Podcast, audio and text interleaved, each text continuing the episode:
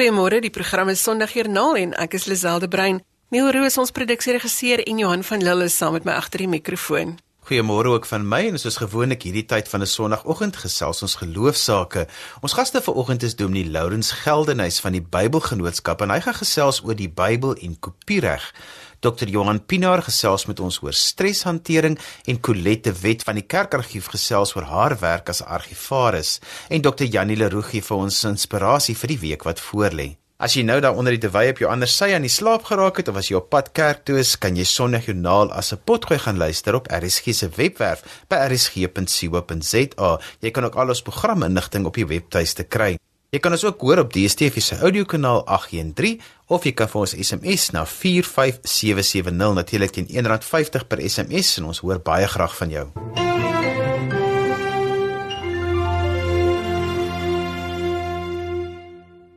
Ons kry heelwat navrae oor kopiereg van letterkunde en boeke en of dieselfde reëls geld vir geestelike sowel as literêre werk. Ons het nie vanoggend al die antwoorde nie, maar Dominee Lourens Geldenhuys is die bedryfshoof van die Bybelgenootskap en ons gaan vanoggend gesels oor die kopiereg as dit by die Bybel kom. Goeiemôre Dominee Geldenhuys. Môre is wel, goeiemôre luisteraars. Dis 'n voorreg om met jou te kan gesels vanmôre. Dominee Geldenhuys, kan ons net eers vra of ons 'n definisie kan kry van die woord Bybel? Wel, die woord Bybel kom van die Latynse woord biblia wat 'n biblioteek van boeke oftewel uh, ons kan ook sê 'n versameling van boeke beteken. En dit is presies wat die Bybel is, 'n versameling van soos ons hom ken 66 boeke. Die Ou Testament beslaan dan 39 en die Nuwe Testament 27 Bybelboeke.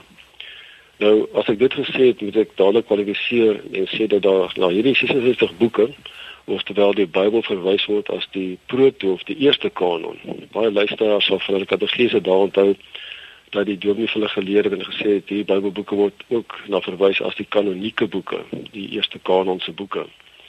Dit is dit verwys natuurlik na die Bybel wat hoofsaaklik in die wat ons noem gereformeerde tradisie gebruik word. Maar nou interessant genoeg, daar's egter ook nog 'n ander Bybel, ook 'n versameling van boeke wat addisioneel tot die 66 Bybelboeke ook ander boeke bevat en dit word genoem die Deutero of dan die tweede kanonieke Bybel as dit so stel. Hierdie Bybel met die 9 Deuterokanonieke boeke word oorspronklik deur die Anglikaanse Kerk, die Lutherse Kerk en ook die Rooms-Katolieke Kerk gebruik. En nou is dit die Bybelgenootskap se voorreg om die grootste ekumeniese liggaam in ons land te wees. Ons dien maksimum kerkverbande en stel daarom beide Bybels, die Protokanon, die Bybel soos ons almal ken, met 66 boeke, maar ook die Bybel met die Deuterokanonieke stel ons uh, beskikbaar. Nou hierdie beskikbaarstelling of verspreiding van plaas in gedrukte formaat en digitale formaat vir selfone, e-Bybels, natuurlik ook in audio, ons sal later ook weer daaroor kan gesels. Is daar kopiereg op die Bybel? Ja, ja. Uh, na baie jare van mondelinge oorlewering is die Ou Testament oorspronklik, ons praat van die grondteks in Hebreëus en gedeeltes in Aramees, die Nuwe Testament in Grieks op papierrolle neergeskryf en met baie groot sorg oorgeskryf en daai deeglikheid is daarin gegee. Dan van uit die beste waarde papierrolle en manuskripte is die Hebreëus, Aramees, Ou Testament en ook die Griekse Nuwe Testament saamgestel. Interessant genoeg die Bybelgenootskap van Duitsland is die kopiereg van hierdie wat ons dan verwys as grondtekste waaruit vertalings deesdae gedoen word. Nou tans is daar en dit is 'n fenominale syfer 6880 gesproke tale in die wêreld. Jy word die Bybel met groot kos en deeglikheid uit hierdie grondtekste na daardie tale vertaal. Wêreldwyd is die volledige vertaalde Bybel tans beskikbaar in 648 tale. Ook terug na ons eie land is die Bybel beskikbaar in al 11 ons amptelike landstale. En verskeie van hierdie tale is ook in meer as een vertaling reeds beskikbaar. So terug by jou vraag oor kopiereg. Die vertaling is die intellektuele eiendom van die Bybelgenootskap. En die kopiereg op die vertaling behoort dus aan die Bybelgenootskap. Die kopiereg se doel in eerste plek is om die korrektheid, die integriteit van daardie vertaling te beskerm Maar om seker te maak dat wanneer dit aangehaal word, dat dit sonder enige foute of verandering baie noukeurig 100% korrek aangehaal sal word. Ook op die uitleg is daar natuurlik kopiereg. Dat ook dit is die intellektuele eiendom van die Bybelgenootskap. Wanneer jy nou die Bybelboek aanhaal, hoeveel mag jy gebruik en en vir wie moet 'n mens erkenning gee? Wanneer ons praat van gedrukte formate, word toestemming outomaties verleen dat 500 verse van die Bybel in 16 van die Bybelgenootskap se beskikbare vertalings aangehaal mag word. Nou, die 500 verse mag nie meer as 50% van een spesifieke Bybelboek behels nie.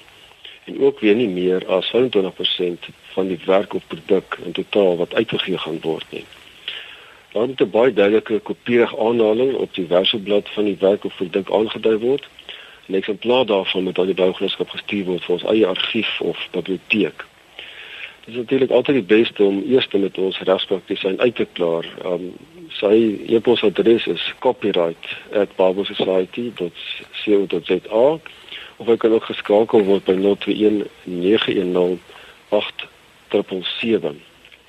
Nou, wanneer dit meer vers as die 500 is, word 'n formele kopiereg ooreenkoms vooraf aangegaan tussen die bougenskap en die spesifieke uitgewer van die werk of produk wanneer dit kom by visuele of elektroniese of audio aanhalinge van interaktiewe rekenaars, selfone, iPads, e-lesers, CD-ROM, MP3's, geheestokkies, soortgelyke tegnologie word daar ook bepaalde kopieerkennisgewings vereis, maar ook dit word toegelaat.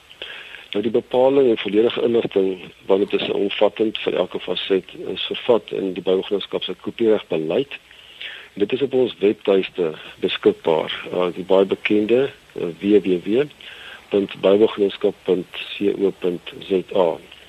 Nou luisteraars is welkom dit daar na te gaan. Dis volledig daai ingesit vir gedruk, um, audio en ook uh, digitaal. En as enige onduidelikheid of vrae is, kan hulle met ons kopiereg beampte skakel, kontak en hy sal verder inligting verskaf en ook al die navrae kan beantwoord en verder kan behulpsaam wees. Dan my dan as ek kan saamvat dan dan gaan dit oor die korrektheid van die aanhaling. En jy het nou genoem van die 500 verse wat gebruik mag word. Is dit nou aan een lopend of kan is is dit nou reg deur 'n boek versprei? Wanneer maar gaan nou een Bybelboek, kom ons vat byvoorbeeld um, Genesis met sy 50 hoofstukke, dan uh, kan iemand met ander woorde 50% van die um, hoofstukke uit daardie bepaalde Bybelboek aanhaal solank dit dan nou nie meer as 500 verse is nie. Dan op die manier uh kan dit aan wel aan inlopend gedoen word. Dit kan ook verskillende Bybelboeke wees.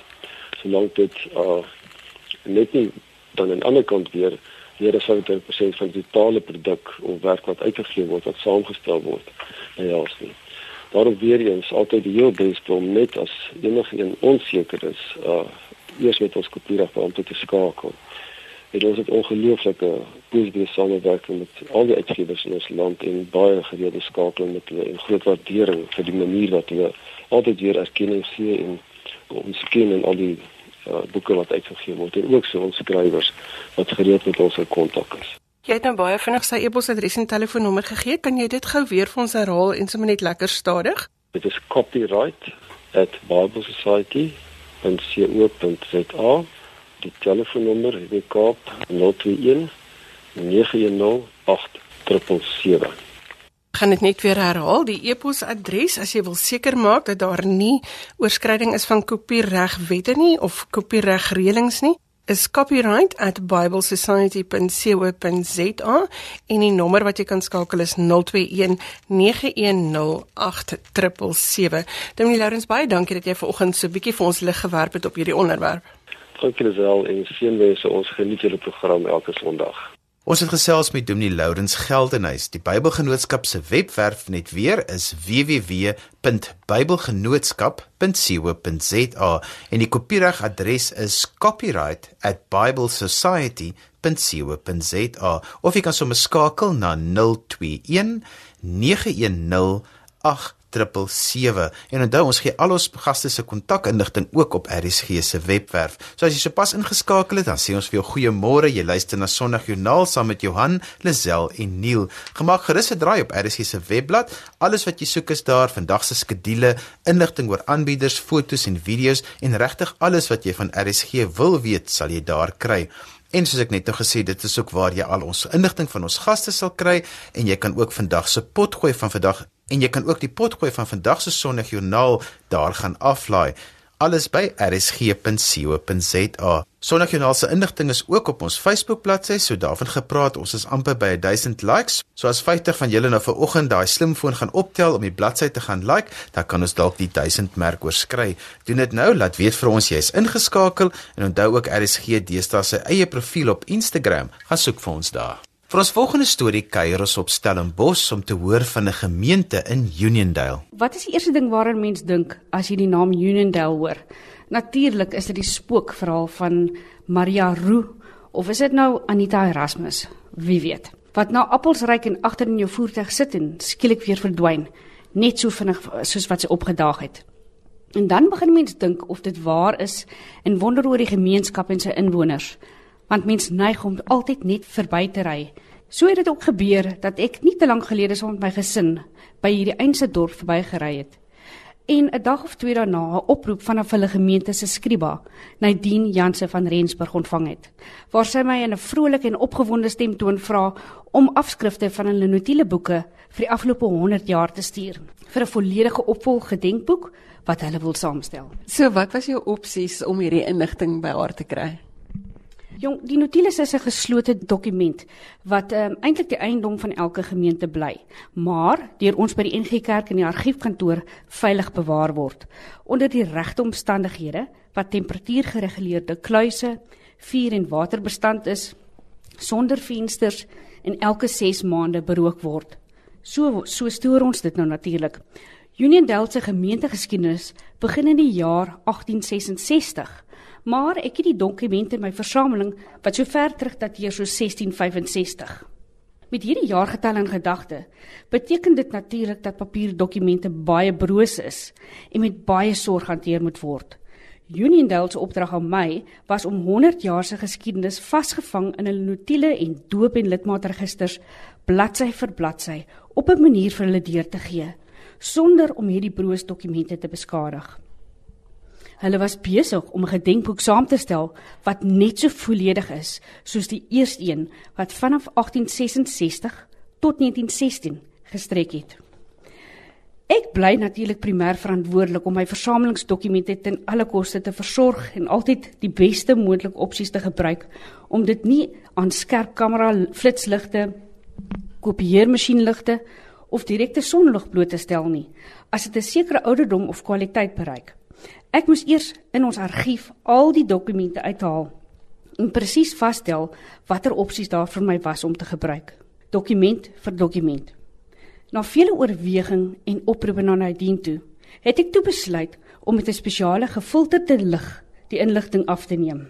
Dit is seker noodloos om te noem dat dit vir my volle 2 dae geneem het om bladsy vir bladsy goeie kwaliteit fotos van ons digitale werkstasie Uniondale se geskiedenis as te ware weer vir 'n tweede keer vas te vang op 'n ander medium wat dit maklik sou maak om elektronies te stuur binne die tydlyn wat hulle vir my gegee het om die taak af te handel.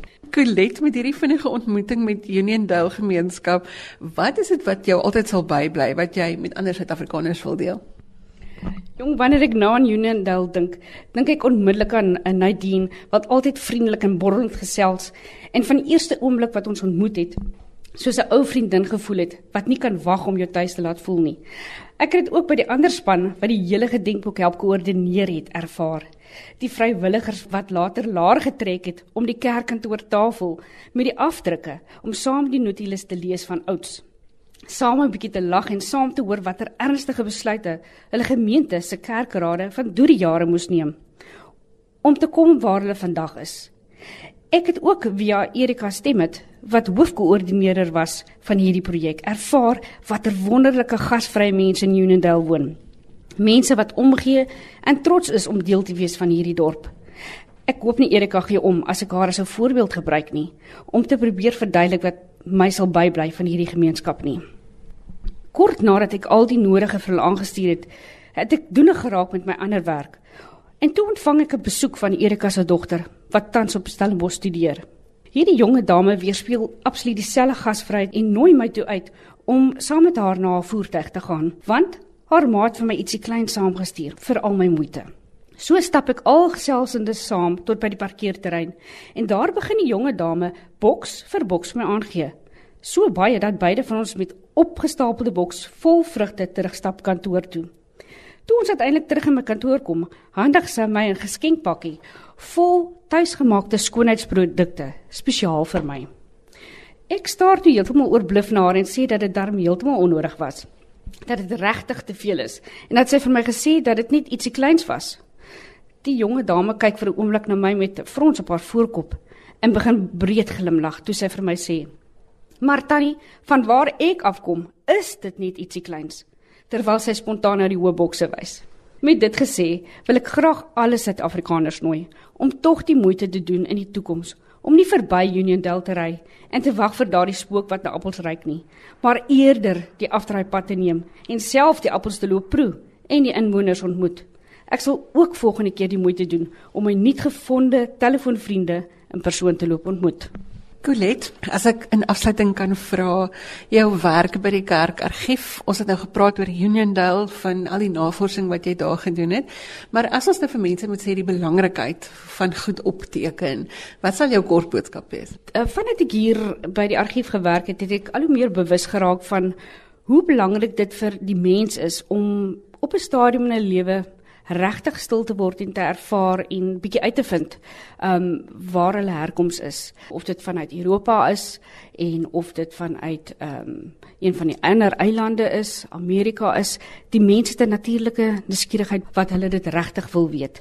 En dan begin hulle soek en hulle vra oumas en ooms en tannies familiebybels. En dan teen die tyd wat hulle na my toe kom sal hulle vir my geboortedatums kan gee of ehm um, doopdatums en areas waar hulle gedoop was of dink hulle gedoop was. En dan is dit so 'n stukkie 'n legkaart wat jy begin bou saam met die individu om 'n algehele prentjie te vorm en dit bly opnuut 'n wonderlike ontdekking om te kan sien hoe gemeenskappe deur die jare gevorm was by 'n kerk en hoe 'n kerk geplant was en hoe die gemeenskap daarna toe getrek het en skole begin het en poskantore en winkels en en boerdery en dit is net eintlik vandag nog van toepassing want almal lewe in 'n gejaagde stadslewe en om op 'n stadium terug te gaan net te gaan vind waar jou herkoms is. Dit doen iets aan die persoon. Colet, baie dankie dat jy vanoggend 'n stukkie van jou lewe wêreld met ons gedeel het. Baie dankie, ek waardeer. Ons het gehoor daarvan Colette Wet van die Kerkargief op Stellenbosch. Ons volgende storie behoort jou te help om jou stres te verlig. Dr. Johan Pinaar se doktoraal is geskryf oor stres en uitbranding en ons gesels vanoggend presies hieroor want dit is iets wat 90% van ons mee stoei. Goeiemôre Dr. Pinaar. Môre Lisel, môre luisteraars. Die voordeel van sosiale media is dat ons saam mekaar se lief en leed kan deel. So vertel vir ons van jou breiwerk in die SARS ry terwyl jy 3 ure moes wag vir jou afspraak. Dit is wel eintlik 'n lekker snaakse storie. Ek moes so 2, 3 weke gelede moes ek gaan net om 'n paar gegevens te gaan verstel by SARS. Nou nou weet jy mos nou as jy weet jy moet SARS toe gaan of binlandse sake of buitelandse sake, dan's dit mos nou hierdie 3 nagte wakker lê en in 2 dae jy weet uh, sekere pille drink om kalm te bly. Maar ma gaan toe saam en ek en sy staan in die ry, een van die rye wat letterlik amper om my blok gaan. En sy is besig om te brei sy drie missies op die oomblik vir 'n uh, agtergeblewe skool of 'n skool waar die, die kinders baie swaar kry. En uh, terwyl sy so staan sê ek van man laat ek ook kyk of ek kan brei en ek vat toe nou die breiwerk daar en sy wys my om die steke te doen maar nou om die storie net kort te maak toe ek so die tweede keer van die steke laat val toe sê sy vir my ek sy dink ek moet liewer maar met my houtwerk bly maar intussen het iemand 'n foto hiervan geneem en dit het op Facebook beland en die ouens het vreeslik gereageer op die ding.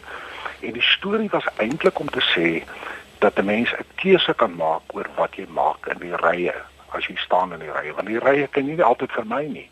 Maar wat maak jy met die rye as jy daar moet gaan staan? Dis nou presies waaroor ons vandag gesels. Ek vermoed dit is 'n mite dat gelowiges nie ook gestres kan raak nie. Of dit of my geloof is soek want ek voel gedurig of daar meer werk en meer mense as ure in my dag is wat aandag nodig het. Weet jy toe ek destyds geskryf het oor stres en uitbranding, was die een ding wat vir my gevang het, hoeveel mense met 'n skuldgevoel daaroor geloop het.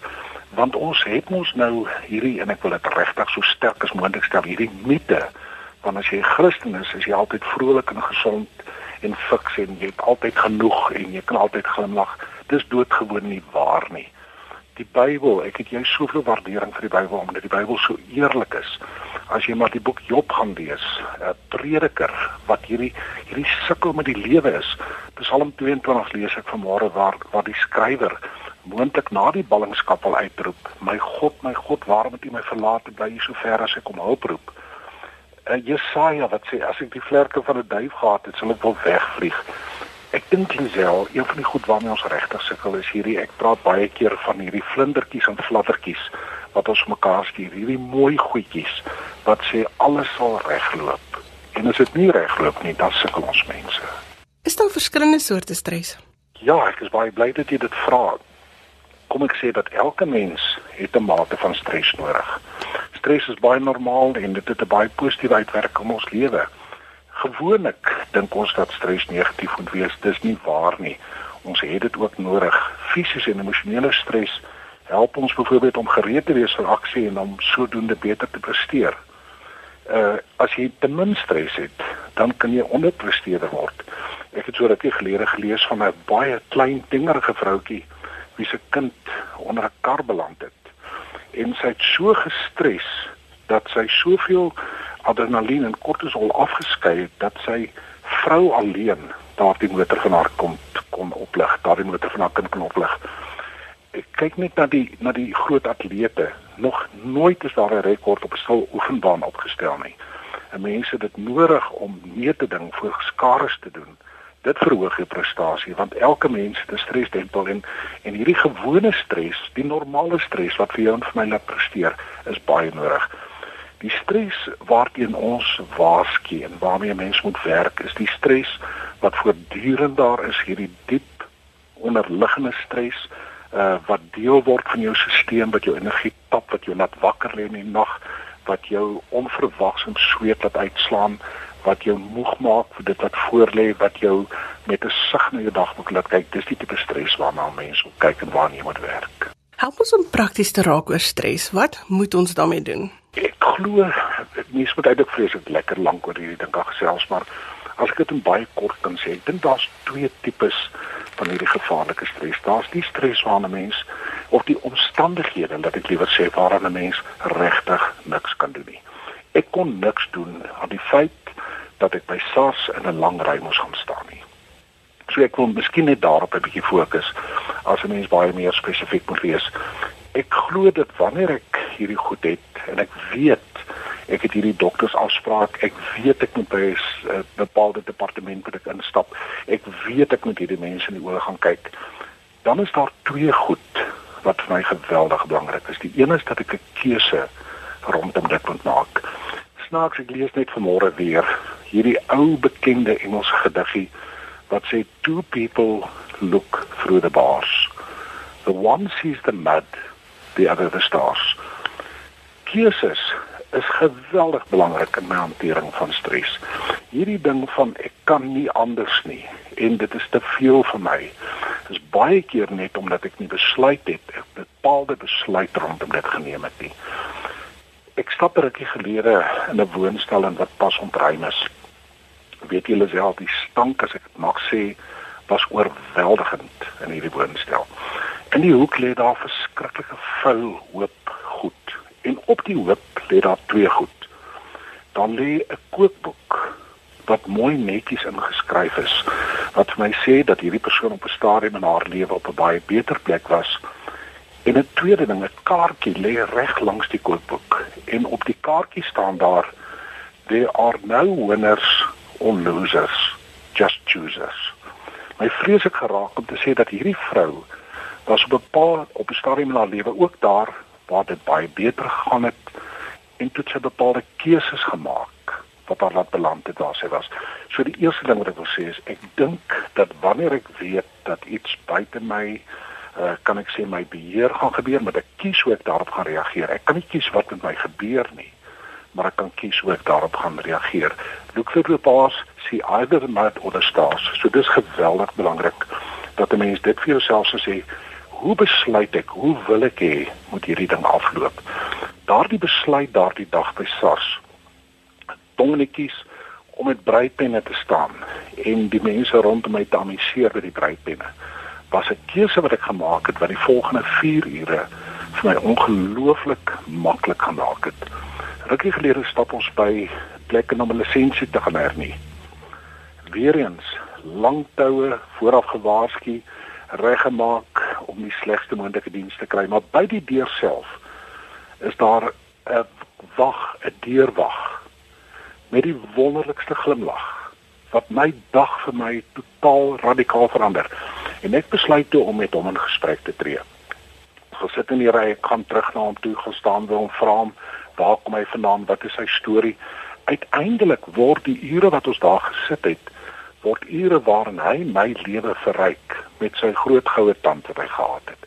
Weereens 'n keuse wat ek maak om te sê, hoe gaan ek hierdie ding hanteer? Paar praktiese voorbeelde. Twee goed wat mense klaar maak op die oomblik. Is hierdie tipiese staan in die ry of wag om bedien te word? Die tweede ding is om in die verkeer vas te sit. Twee mense praat hierdie afgelope week met my. Die een vertel my hoe hy die uur wat hy elke dag werk toe ry, uur wat hy terug moet ry, ons praat van 15 km, hoe hy dit gebruik om 'n derde taal aan te leer. 'n Keuse wat hy gemaak het. Iemand bel my nou die dag, gesels lekker lank na hier half 5. Ek sê vir my ek is so bly dat jy my gebel het. Hy sê wie hy sê ek kry nie normaalweg kans om met mense te gesels nie. So ek het besluit om hierdie tyd wat ek in die kar is en gelukkig by 'n vrystelsel, het ek besluit om met mense kontak te maak wat weet normaalweg nie kontak kan maak nie. Keuse wat hy gemaak het. Tweede ding wat ek wil sê as jy vra vir 'n definitiewe besluit dat ek bewus sal wees van wat met my gebeur. Ek het so rukkie gelede het ek 'n gesprek oor die sosiale media gehad, jy's oor stres. En een vrou skryf vir my 'n wonderlike ding. Sy sê sy het, sy het agtergekom dat sy 'n lewe vol stres begin lei elke dag en oor die kleinste goedjies naderhand begin stres.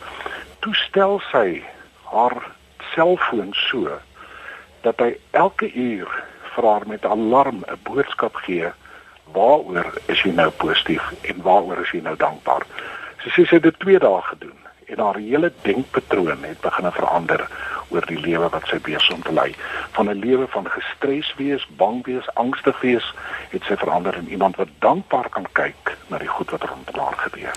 Ek dink dit sal gepas wees as ons sê die gevolgtrekking van hierdie gesprek is dat jy voorberei moet gaan. Jy weet die ry gaan 3 ure lank wees, neem iets saam om jou mee besig te hou. Kies om nie gestres te lewe nie. Baie dankie Johan vir die samestelling vanoggend. Dankie. En so gesels verhoudings- en bestuurskonsultant Dr. Johan Pinaar. Ons gesels geloofsaake tot kort voor die 8 uur nuus wanneer ons oorgie aan Jermaine M Hansen vir die Bybelstorie. Maar eers kry ons ons week se inspirasie by Dr. Janie Leroux. Vanoggend gaan ons gesels oor die waarde van waardering. Goeiemôre Jannie. Goeiemôre Lisel, môre Johan, môre luisteraars. Dis my so wonderlike voorreg om mense te inspireer. Dit lig sommer my eie gemoed ook en laat my meer vreugdevol voel. Jy het genoem dat as jy mense inspireer dat dit ook jou eie gemoed lig. Het dit enigiets met waardering te maak? Waardering dui aan of jy aan iets 'n besondere waarde heg. Iets is vir jou baie werd en daarom is dit baie belangrik vir jou. Of iets is vir jou baie mooi of baie goed en jy erken dit. Waardering wys wat jy hoër ag as die ander goed wat nou vir jou onbenullig is. Nou wys navorsing vir ons wanneer ons sterkpunte en deugde gebruik en geniet, dan voel ons meer gelukkig. So ja, beslis dat die genot en betekenis wat ek daarin vind om byvoorbeeld mense te inspireer vir my groot waarde. En jy het self ook sulke sterkpunte en ander ook. So omdat dit groot waarde vir my het en ek waardering daarvoor het, verhoog dit my algehele gevoel van lewensvreugde. Nou die waarde van waardering is om dankbaar te wees vir wat reeds goed of mooi of reg is. Nou Paulus help my hiermee as hy skryf vir Filippense 4 vers 8. Alles wat waar is, alles wat edel is, alles wat reg is, alles wat rein is, alles wat mooi is, alles wat prysenswaardig is, wat 'n deug of lofwaardige saak daar ook mag wees, daarop moet julle julle gedagtes rig. Nou dit beteken ons het elke dag die unieke kans om te kan waardeer. Jy doen dit deur jou gedagtes te rig op wat soos Paulus dan noem, waar, wat edel, wat reg, wat rein, wat mooi, wat prysenswaardig is. En elke dag is daar so iets waarop jy jou gedagtes kan fokus. Tussen alles wat jy mekaar in chaos is, is daar ten minste een iets wat jy kan waardeer. Daarom het mense in konsentrasiekampe oorleef deur die dag met die sonsopkoms net dit raak te sien. Jy moet jouself som dwing om te begin. Maar gelukkig help die Heilige Gees jou as jy die rigting van waardering na jou kant toe draai.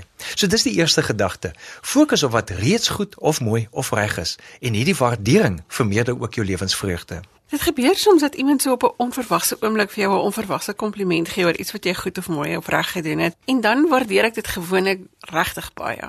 Ek dink ons hou almal van waardering. Een van die faktore wat die meeste mense van werk laat verander, is 'n gebrek aan erkenning, met ander woorde gebrek aan waardering. En dis nog 'n waarde van waardering.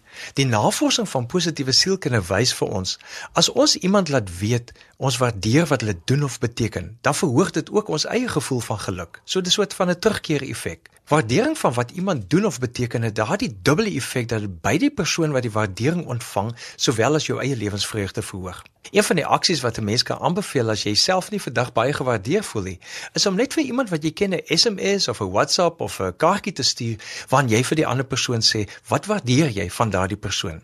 Kan jy nou dink wat 'n positiewe effek dit as 'n rimpel effek in ons land en selfs die wêreld gaan hê as al die duisende mense wat ver oggend luister net na die program vir iemand 'n SMS of 'n WhatsApp van waardering stuur. Ek sê dit gereeld gaan maak 'n verskil in iemand se lewe. So stuur nou daai SMS, doen dit net nou dadelik. Gesels met ons oor hoe dankbaarheid ons waardering beïnvloed.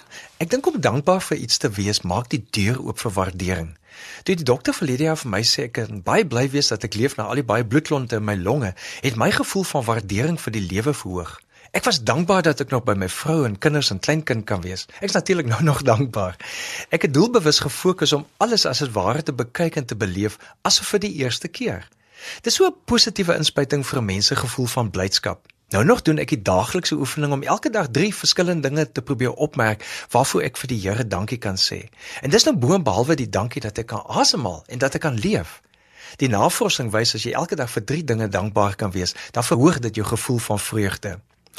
Die beginsel van waardering is: wees meer dankbaar en jy waardeer meer. Klink vir my of jou belewing van trauma 'n positiewe effek op jou gevoel van waardering gehad het. En dit kom altyd later, nê? Nee, dis nie in die begin nie, maar later dan kry mense hierdie waardering. Het die belewing van trauma 'n positiewe effek op waardering? Ons groot dilemma is dat ons so gou gewoond raak aan iets en dit dan as vanselfsprekend aanvaar. Om iets as vanselfsprekend te aanvaar is die teenoorgestelde van waardering. Ons besef dan nie meer die waarde daarvan nie. Dis nie so lank terug dat die sogenaamde internet aan die gang